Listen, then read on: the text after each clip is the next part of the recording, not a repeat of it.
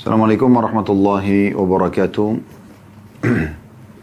Alhamdulillah, wassalatu wassalamu ala rasulillah. Segala puji dan puja kehadirat Allah subhanahu wa ta'ala juga salawat dan taslim kepada Nabi besar Muhammad sallallahu alaihi wa ala alihi wa sahbihi wasallam. Kita akan menunjukkan pada buku kita uh, doa, kumpulan doa dalam Al-Quran dan Al-Hadith dan kita akan masuk insyaAllah di dalam uh, doa bersin di bab ke-77. Dan uh, kita langsung saja masuk sabda Nabi Shallallahu Alaihi Wasallam di sini. Kata Syekh Sa'ad diangkat sabda Nabi Shallallahu Alaihi Wasallam dalam hadis ya, yang di ya, di sini diriwayatkan oleh Imam Bukhari jadi 7 halaman 120 125 ya. Kata Nabi SAW, apabila salah seorang di antara kalian bersin, maka hendaklah dia mengucapkan Alhamdulillah. Alhamdulillah, segala puji bagi Allah. dan saudara atau temannya yang mendengar mengucapkan yarhamkallah yarhamkallah. Ya semoga Allah memberimu rahmat. Dan yang tadi didoakan itu yang memuji pertama membalas lagi sambil mengatakan yahdikumullah yuslihu balakum. Semoga Allah memberikan petunjuk kepadamu dan memperbaiki keadaanmu dalam urusan dunia juga akhirat. Doa ini teman-teman sekalian doa yang sangat mulia. Doa yang sangat mulia. Bahkan salah satu yang dicemburui oleh orang-orang Yahudi dari kaum muslimin justru karena bersin dan ada doa ini. Jadi kita kalau bersin, yang tadi kita coba jelaskan hikmah dan mukjizat daripada bersin itu sendiri, ya, insya Allah kita pada saat bersin kita sedang mengeluarkan ya, dengan kekuatan yang otomatis ya dari diri kita yang Allah swt sudah ciptakan langsung mengeluarkan banyak sekali kotoran-kotoran debu yang mau nggak mau dengan hikmah Allah keluar gitu. Ya, dan tidak ada yang bisa membendung bersinnya. Dan karena itu semua Allah subhanahu wa ta'ala memerintahkan kita untuk memujinya. Jadi kita membaca Alhamdulillah. Alhamdulillah kita baca segala puji bagi Allah subhanahu wa ta'ala karena telah mengeluarkan banyak ya hal-hal yang mungkin berbahaya bagi kesehatan kita dan saking luar biasanya sampai Allah subhanahu wa ta'ala mengatur bersin itu tanpa ada yang bisa membendungnya. Ya. Dan makin sering kita bersin, tentu bukan pada saat lagi flu ya. Dalam arti kata, kita bersin di waktu-waktu tertentu, maka makin banyak yang kita keluarkan dari kotoran-kotoran yang telah tersaring ya di dalam hidung kita bahkan tertarik dari seluruh tubuh kita dengan bersin tersebut.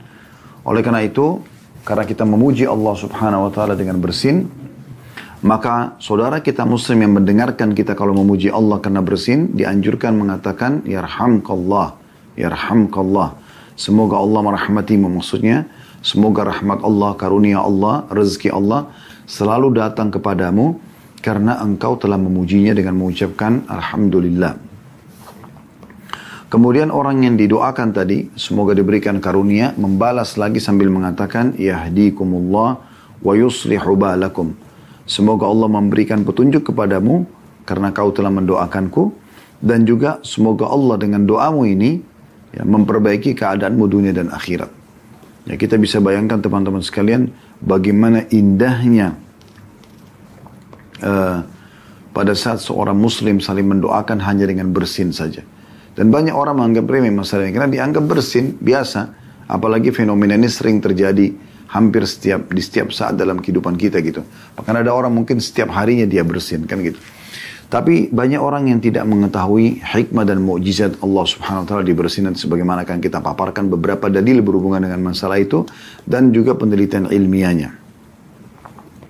Saya langsung lanjutkan dulu ke bab 78 karena ini satu rangkaian yang diucapkan apabila orang kafir yang bersin dan dia mengucapkan Alhamdulillah maka dianjurkan kita dalam riwayat At-Tirmidzi jilid 5 halaman 82 dan Ahmad jilid 4 halaman 400 Abu Daud jilid 4 halaman 308 dan Syekh Albani menyebutkan dalam Sahih At-Tirmidzi jilid 2 halaman 354 kita membacakan untuk dia yahdikumullah wa yuslihu balakum. Jadi kita tidak usah mengucapkan yarhamkallah Ya, walaupun dia mengatakan alhamdulillah, ya. Kalau dia orang non muslim, kita hanya mengatakan yahdikumullah wa yuslih balakum. Artinya semoga Allah memberikan hidayah kepadamu dan juga memperbaiki keadaanmu dari kekafiran kepada keislaman. Dia, pernah satu kali Nabi SAW menyampaikan dalam sebuah hadis kalau orang-orang Yahudi cemburu sekali dengan bersin ini. Ya, karena mereka ingin mendengarkan doa yarhamkallah. Semoga Allah merahmatimu di saat orang mengatakan alhamdulillah. Mungkin Anda mengatakan begini. Bagaimana caranya orang non-muslim bilang alhamdulillah Ustaz? Iya. Orang-orang non-muslim yang hidup di negara Arab, apalagi dari turunan Arab, kan ada dari turunan Arab yang Nasrani. Mereka menggunakan bahasa Arab. Maka mereka pun mengatakan Alhamdulillah dalam kehidupan sehari-hari mereka. Jangan, jangan asing Anda mendengarkan itu. Gitu kan? Sama juga pada saat bersin, mungkin bisa mereka mengatakan Alhamdulillah. Tapi bagi Muslim, kita mengatakan Yarhamkallah. Semoga Allah merahmatimu. Baru orang yang tadi bersin itu, setelah didoakan oleh orang yang mendengarkan bersin, dia memuji Allah, maka mengatakan Yahdikumullah yuslih balakum. Kalau laki-laki, Yarhamkallah. Kalau perempuan, Yarhamkillah ya. Jadi kita bedanya di ka dan ki. Yarhamkumullah atau yarhamkallah dengan yarhamkillah. Ya. Kalau orang kafir atau orang non muslim kita langsung membaca saja yahdikumullah wa yuslih balakum. Ini poinnya. Baik, saya akan coba teman-teman sekalian masuk membahas beberapa hadis yang mirip serupa dengan ini. Tentu di luar daripada buku kita ya. Dan kita coba korek mukjizat daripada bersin itu sendiri. Ada hadis Nabi SAW dari sahabat Nabi yang mulia Abu Hurairah radhiyallahu anhu beliau mengatakan bahwasanya Nabi SAW bersabda Inna Allah yuhibbul atasha atau Inna Allah yuhibbul utasha saya ulangi Inna Allah yuhibbul utasha uh, Inna Allah yuhibbul utasha wa yakrahu tatha'uba fa idza atasha fa idza atasa ya, maaf saya ulangi fa idza atasa fa hamidallah فحق على كل مسلم سمعه أن يشمته وأما التثاؤب فإنما هو من الشيطان فليرده ما استطاع فإذا كان ha dahika minhu syaitan. Artinya, sungguhnya Allah menyukai bersin. Perhatikan hadis ini ya. Sesungguhnya Allah menyukai bersin dan membenci menguap. Karenanya, kata Nabi SAW, apabila salah seorang ya, dari kalian bersin, lalu dia memuji Allah, maka kewajiban atas setiap muslim yang mendengarkan untuk mentashmidnya. Atau mengatakan, Yarhamkallah. Kalau laki-laki, Yarhamkillah kalau perempuan. Adapun menguap, maka dia tidaklah datang kecuali dari syaitan. Karena hendaklah menahan karenanya pada saat menguap hendaklah menahan semampunya. Jika dia sampai mengucapkan ha misalnya dengan menguap ya, maaf saya kasih contoh tadi supaya jelas gitu, maka syaitan akan menertawakannya. Hadis ini diriwayatkan oleh Bukhari nomor 6223 dan Muslim 2994. Dari hadis ini coba Anda perhatikan baik-baik. Potongan hadis Nabi SAW, Inna Allah yuhibbul utas, utas, ut, uh, utasya. Ya. Sesungguhnya Allah SWT sangat suka dengan bersin. Ya. Utas, ya, utas ya, ini atau atas ya, itu bersin. Utas bersin. Allah suka. Bagaimana caranya? Kok bisa Allah suka dengan bersin? Ya. Maka jawabannya sederhana. Karena Allah Subhanahu wa taala ingin menyelamatkan hambanya dari masalah-masalah yang dia hadapi dan dia tidak bisa tangani sendiri. Maka Allah datangkan bersin itu untuk menyelamatkan hambanya dari permasalahan yang dia sendiri tidak bisa menanganinya. Oleh karena itu kalau orang bersin tidak bisa dia tahan. ya. Dan Allah suka di sini maksudnya pada saat hamba itu bersin karena dia diselamatkan dari banyak masalah yang mungkin menimpa dia dan dia memuji Allah. Dia sambil mengatakan Alhamdulillah. Nah ini sebabnya Allah mencintainya atau menyukai karena Allah memberikan untuk menyelamatkan hambanya dan dia dipuji setelah itu. Kemudian dikatakan dan Allah membenci menguap. Ya. Jadi kalau mengantuk terpaksa harus menguap. Dan kalau anda sedang tidak mengantuk lalu anda menguap mutlak dari syaitan. Kalau menguap kena mengantuk pun itu umumnya dari syaitan juga. Tapi kalau tidak ada mengantuk, ya, maka ini lebih kuat godaan syaitan pada saat itu. Contoh misalnya Anda lagi mengaji, lalu Anda menguap. Anda lagi sholat, Anda menguap. Anda lagi berzikir, menguap. Ini semua dari syaitan. Nabi SAW sudah berikan gambarannya. Dan Allah membenci menguap. Karenanya kata Nabi SAW, apabila salah seorang dari kalian bersin lalu dia memuji Allah, maka kewajiban atas setiap muslim yang lain mendengarnya untuk mengucapkan doa kepadanya, Yarhamkallah. Kalau laki-laki, Yarhamkillah. Kalau perempuan, semoga Allah merahmatimu. Gitu. Adapun menguap, maka dia tidaklah datang kecuali dari syaitan. Karenanya, kalau menguap, hendaklah menahan menguap itu semampunya. Jika dia sampai mengucapkan ha gitu ya sambil menguap, tidak menutupnya, maka syaitan akan menertawakannya. Ya. Bahkan subhanallah di mata manusia sendiri jadi jelek pemandangannya ya. Kita bukan sedang membahas masalah nguap, tapi memang hadisnya digabung antara bersin sama nguap. Bersin yang Allah suka dan menguap yang Allah benci. Dalam hadis yang lain Abu Sa'id Al-Khudri radhiyallahu anhu menuturkan dia berkata bahwa Rasulullah sallallahu alaihi wasallam bersabda, "Idza tatha'aba ahadukum falyumsik biyadihi ala fihi fa inna syaitana yadkhul kalau riwayat tadi pertama syaitan menertawakan. Perhatikan riwayat yang kedua nih riwayat Imam Muslim nomor 2995. Bila salah seorang dari kalian menguap, maka hendaklah dia menahan mulutnya dengan tangannya. Karena sesungguhnya syaitan akan masuk. Coba. Jadi kalau orang menguap tanpa menutup mulutnya, syaitan akan masuk ke dalam tubuhnya. Jadi ini adalah cara yang paling mudah syaitan masuk ke dalam diri manusia melalui uapan mulut. Maksudnya mulut yang terbuka, lalu kemudian tidak ditutup, lalu kemudian syaitan masuk. Makanya kalau anda yang mengatakan, saya tidak bisa tidur Ustaz, coba ngaji. Muap pasti. Kesannya ngantuk gitu ya. Tapi kalau lagi nonton, lagi segala macam, begadang untuk kegiatan-kegiatan yang tidak ada hubungannya sama agama, maka tidak muap-muap gitu. Jadi dari syaitan. Di majelis ilmu orang suka menguap. Ya. Bahkan subhanallah kadang-kadang syaitan ingin menertawai dia, dengan cara buat dia menguap-nguap depan temannya. Temannya pun menertawakan atau merasa tidak nyaman dengan dia. Ibnu Hajar berkata, Imam Al-Khattabi mengatakan bahwa makna cinta dan benci pada hadis di atas, cintanya Allah pada bersin, bencinya Allah pada menguap, dikembalikan kepada sebab yang termaktub dalam hadis itu sendiri, yaitu bahwa bersin terjadi karena badan yang kering dan pori-pori kulit terbuka dan tidak tercapainya rasa kenyang. Ini berbeda dengan orang yang menguap.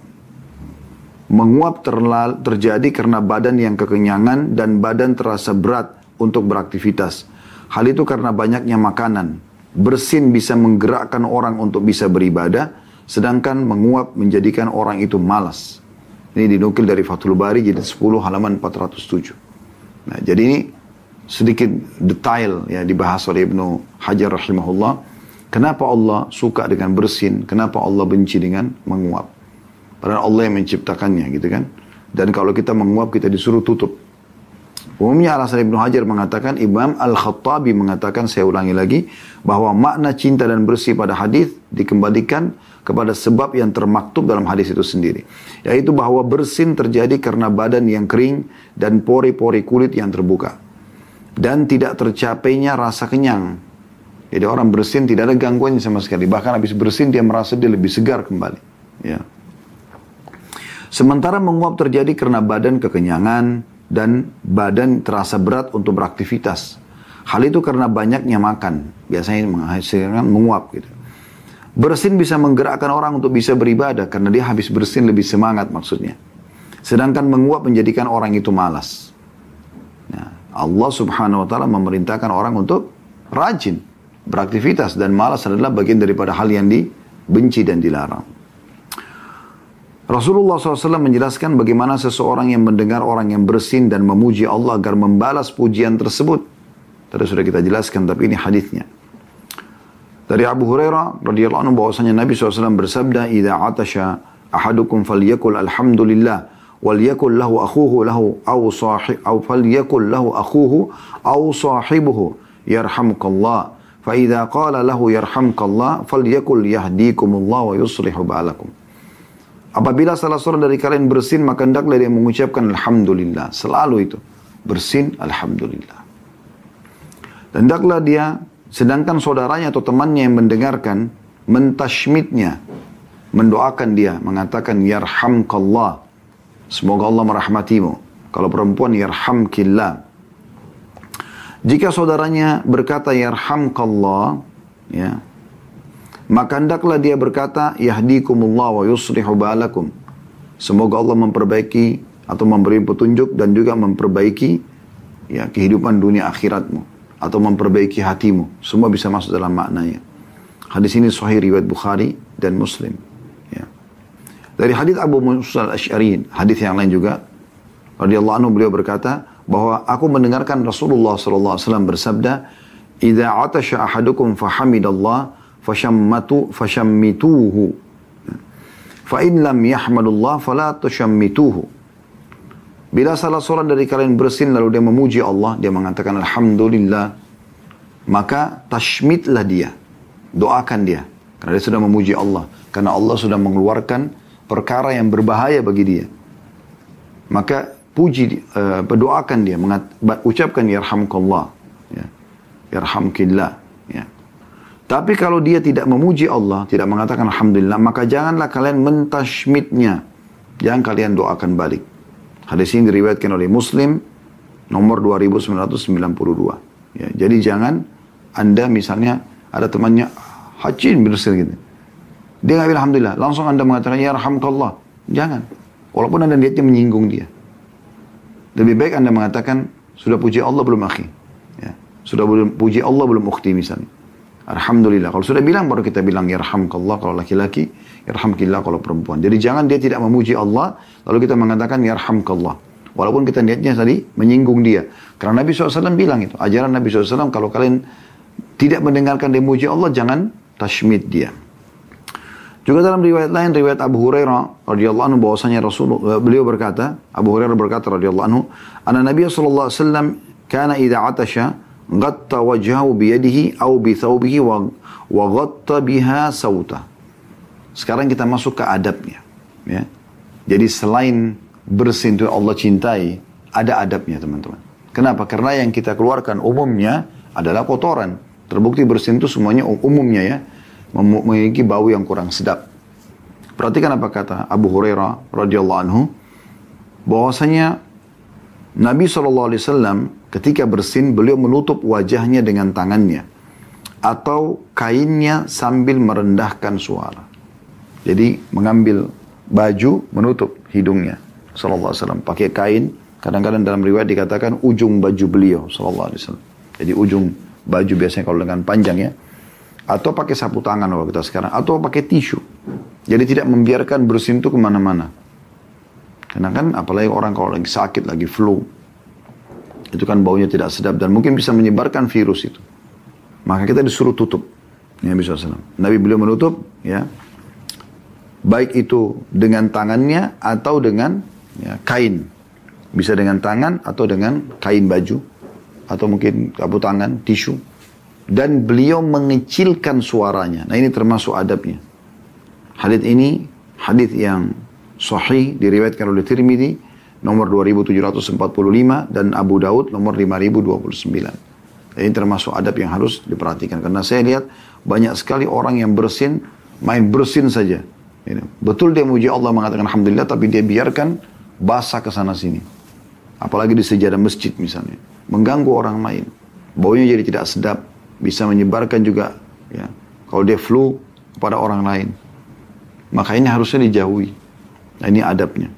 Dalam beberapa riwayat dikatakan Nabi SAW menggunakan ujung kain baju beliau. Dan tidak kalah penting setelah memuji Allah menutup hidung dengan tangan atau kain juga mengecilkan suara. Ada orang kadang-kadang bersin hampir satu uh, lantai itu mendengarkan bersinnya. Karena tidak dikecilkan Jangan juga kita tutup lubang hidung sehingga tidak keluar apa yang harus keluar gitu. Nah ini adabnya. Nah dalam satu tulisan yang menarik ya di dalam kitab Al-Haqa'iq At-Tabi'ah fil Islam di halaman 155 ada sebuah nukilan yang menarik di situ. Dikatakan bahwasanya para dokter di zaman sekarang mengatakan menguap adalah gejala yang menunjukkan bahwa otak dan tubuh orang tersebut membutuhkan oksigen dan nutrisi. Ya. Itu kalau menguap. Dan karena organ pernapasan kurang dalam menyuplai oksigen kepada otak dan tubuh. Hal ini terjadi ketika kita sedang kantuk atau pusing, lesu, dan orang yang sedang menghadapi kematian. Dan menguap adalah aktivitas menghirup udara dari dalam melalui mulut dan bukan mulut dengan uh, dan bukan mulut dengan cara biasa menarik nafas dalam-dalam. Karena mulut bukanlah organ yang disiapkan untuk menyaring udara seperti hidung. Apabila mulut tetap dalam keadaan terbuka ketika menguap, maka masuk juga berbagai jenis mikroba dan debu atau kutu bersamaan dengan masuknya udara ke dalam tubuh. Oleh karena itu dalam petunjuk nabawi yang mulia agar kita melawan tanda kutip menguap itu sekuat kemampuan kita ataupun menutup mulut saat menguap dengan tangan kanan ataupun dengan punggung tangan kiri. Jadi misalnya kita tutup dengan tangan kanan kita sampai sekuat mungkin. Atau bisa juga dengan punggung tangan kanan atau tangan kiri ya ditutup. Atau Anda kuat tahan sekuatnya. Ya. Jadi jangan sampai terbuka mulutnya, ditahan bibirnya supaya dia tidak terbuka. Karena dengan terbukanya tadi sudah dijelaskan ya selain syaitan bisa masuk juga bisa memasukkan banyak ya, hal-hal ya, yang mungkin bisa berbahaya bagi kesehatan. Ya, karena memang mulut bukan tempat untuk masukkan udara, hidung yang memang ada ada ada penyaringnya. Kalau mulut tidak. Sementara bersin adalah lawan dari menguap, yaitu keluarnya udara dengan keras, kuat, disertakan hentakan melalui dua lubang, hidung dan kadang mulut.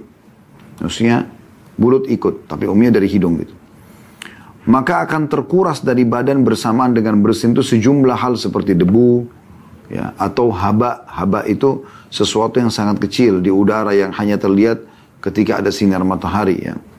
Atau kutu atau mikroba yang terkadang masuk ke dalam organ pernapasan. Oleh karena itu, secara tabiat bersin datang dari sang pencipta Allah, maksudnya yang maha pengasih, sebab padanya terdapat manfaat yang besar bagi tubuh dan menguap datang dari syaitan sebab ia mendatangkan bahaya bagi tubuh. Dan atas setiap orang hendaklah memuji Allah yang maha suci lagi maha tinggi ketika dia bersin dan agar meminta perlindungan kepada Allah dari syaitan yang terkutuk ketika dia sedang menguap. Ya. Begitu luar biasanya ya penyebutan tentang masalah ya, kedudukan bersin yang kadang-kadang orang anggap remeh gitu. Ya. Jadi memang dia punya hukum tersendiri dalam agama Islam. Dan memang selalu saja berhubungan antara bersin kalau kita dalam hadis tadi dengan menguap ini. Dan bagaimana kita melihat bersin dipuji oleh Allah SWT dan ada hukum sendiri. Sementara orang yang menguap itu dari syaitan dan dianjurkan untuk melawannya dan tidak membiasakan diri untuk ya membiarkan dia terbuka mulutnya sehingga syaitan bisa masuk dan menguasai dia. Dan sekian banyak hadis yang berhubungan dengan masalah uh, apa namanya adab-adab dalam masalah bersin ini. Tapi umumnya berputar tadi di kasus yang sama. Jadi kalau orang memuji Allah, dia muslim, Alhamdulillah kita doakan ya Allah. Tapi kita harus dengar Alhamdulillahnya dia ya, baru kemudian kita sebutkan. Kalau kita tidak dengar maka tidak ada kewajiban kita mengucapkan. Dan di saat kita mendoakan dia ya yarhamkallah kalau laki-laki yarhamkillah kalau perempuan maka uh, dia pun atau kita pun mendoakan dia kembali. Yahdikumullah yuslih balakum. Kalau dia orang kafir maka kita hanya menyebutkan yahdikumullah yuslih balakum. Semoga Allah memberikan anda hidayah dan juga ya, mengembalikan atau uh, memberikan anda petunjuk kepada Islam. Petunjuk kepada Islam. Ya. Dan kita harus tahu ini. Dan ada sebuah hadis yang menarik. Hadis ini diriwayatkan oleh Imam Tirmidzi di nomor 2746. Al-Hakim jilid 4 halaman 264. Ibnu Khuzaimah nomor 921 dan masih ada lagi perawi-perawi yang lain di mana Nabi SAW mengatakan al-utashu minallah Bersin itu pasti dari Allah. Wattatha'u minasyaitan. Menguap adalah dari syaitan. Fa'idha tatha'aba ahadukum falyadha yadahu ala fihi. Kalau seseorang dari kalian sedang menguap, taruh tangannya di mulutnya, tutup. Qala ah, ah. Ya. Jangan sampai dia mengatakan ah, ah gitu karena menguap. Fa inna syaitana yadhaku min jawfihi. Karena syaitan akan menertawakan dia di dalam perutnya ya Wa inna Allah yuhibbul utash wa Dan ketahui dan diulangi lagi, Allah suka sekali dengan bersin dan membenci ya, orang yang menguap. Jadi memang harus diperhatikan baik-baik ya tentang masalah ini. Dan jangan lupa adabnya tadi menutup mulut, mengecilkan suara ya. Kalau menguap ya tutup mulut, kalau bersin menutup hidung. Kemudian juga kalau bersin mengucapkan alhamdulillah, kalau menguap tutup mulut, tahan sekuatnya, kemudian baca istiadah A'udzubillahi minasyaitonir atau berlindung kepada Allah SWT dari syaitan yang terkutuk. Allahu alam. Baik teman-teman sekalian, masih ada beberapa poin yang tersisa tentang masalah uh, bersin ini. Di antaranya adalah hadis Nabi SAW yang menyebutkan kalau seandainya ada orang bersin sampai tiga kali atau lebih dari tiga kali. Di bersin pertama, dia mengatakan Alhamdulillah, Anda tashmid dia. Anda mengatakan Yarhamkallah. Kalau laki-laki, Alhamdulillah kalau perempuan. Kalau dia bersin lagi yang kedua, Anda tashmid lagi dia. Dia bersin yang ketiga lagi, Anda tashmid lagi. Tapi kalau sudah tiga kali, ya, maaf, eh, jadi dua kali. Yang ketiga kali Anda tidak usah lagi mentashmid dia, apalagi lebih dari tiga kali. Karena ini dianggap sudah zukam atau sudah flu. Nah kalau flu doanya berbeda, kalau sudah sakit. Syafakallah, la ba's tahur insyaAllah. Semoga Allah menyembuhkanmu dari penyakit ini dan semoga jadi pembersihan dosa atas ya semua jadi pembersihan atas dosa-dosamu yaitu kalau orang sakit ya. Sunnahnya kita mengatakan dan kita mengatakan labas insya Allah semoga tidak jadi masalah buat kamu. Jadi itu sunnah Nabi SAW di antaranya dalil yang menyebutkan masalah itu adalah hadis Nabi SAW Ida atasha ahadukum falyushammithu jalisuhu kalau seseorang dari kalian bersin, maka yang ada di sekitarnya sebaiknya mentashmidnya. Kalau dia memuji Allah, dia katakan Alhamdulillah, doakan dia bilang Yarhamkallah. Laki-laki Yarhamkillah kalau perempuan. Fa'in zada ala thalathin fahuwa, mak, fahuwa mazkum. Kalau sudah lebih dari tiga kali, berarti dia sedang sakit. Ya. Wala yushammat ba'da thalath. Dan tidak lagi mentashmid bersihnya setelah tiga kali. Artinya satu kali, dua kali, tiga kali masih menjawabnya, sim tashmid ya. Alhamdulillah kita mengatakan yarhamkallah. Dia bersin lagi, Alhamdulillah kita masih mengatakan yarhamkallah. Dia bilang lagi Alhamdulillah ketika kita masih mengatakan yarhamkallah. Ternyata dia masih bersin yang keempat, udah kita nggak mengatakan lagi yarhamkallah. Karena memang kata Nabi SAW berarti dia sedang sakit. Bukan bersin yang harusnya didoakan seperti ini. Lalu apa yang didoakan? Tadi sudah saya bahasakan. Berarti kalau sudah sakit, sakit apa pun, dianjurkan kita mendoakan saudara kita muslim dengan doa syafakallah, syafakallah, shin fa alif kaf, syafakallah. Kalau laki-laki, semoga Allah menyembuhkanmu. Kalau perempuan, syafakillah. Semoga Allah menyembuhkanmu. Ya.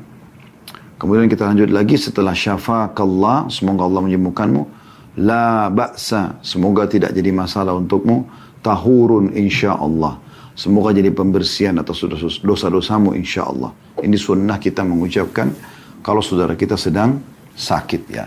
Kita berharap Allah subhanahu wa ta'ala menyembuhkan penyakitnya dan juga menjadikan dia ya, jadi pembersihan terhadap dosa-dosanya.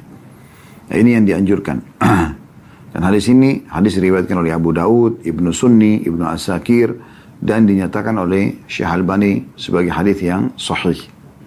Dalam redaksi yang lain Rasulullah SAW mengatakan syammit akhaka thalathan fama zada fahuwa zukam.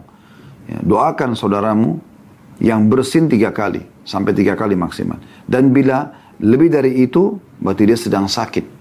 Hadis ini riwayat Abu Daud nomor 5034 dan Bayi Hakim menyebutkan dalam Syu'abil Iman jilid 7 halaman 32 dan dinilai Hasan oleh Syekh Albani dalam ya, Al-Mishkah nomor 4743.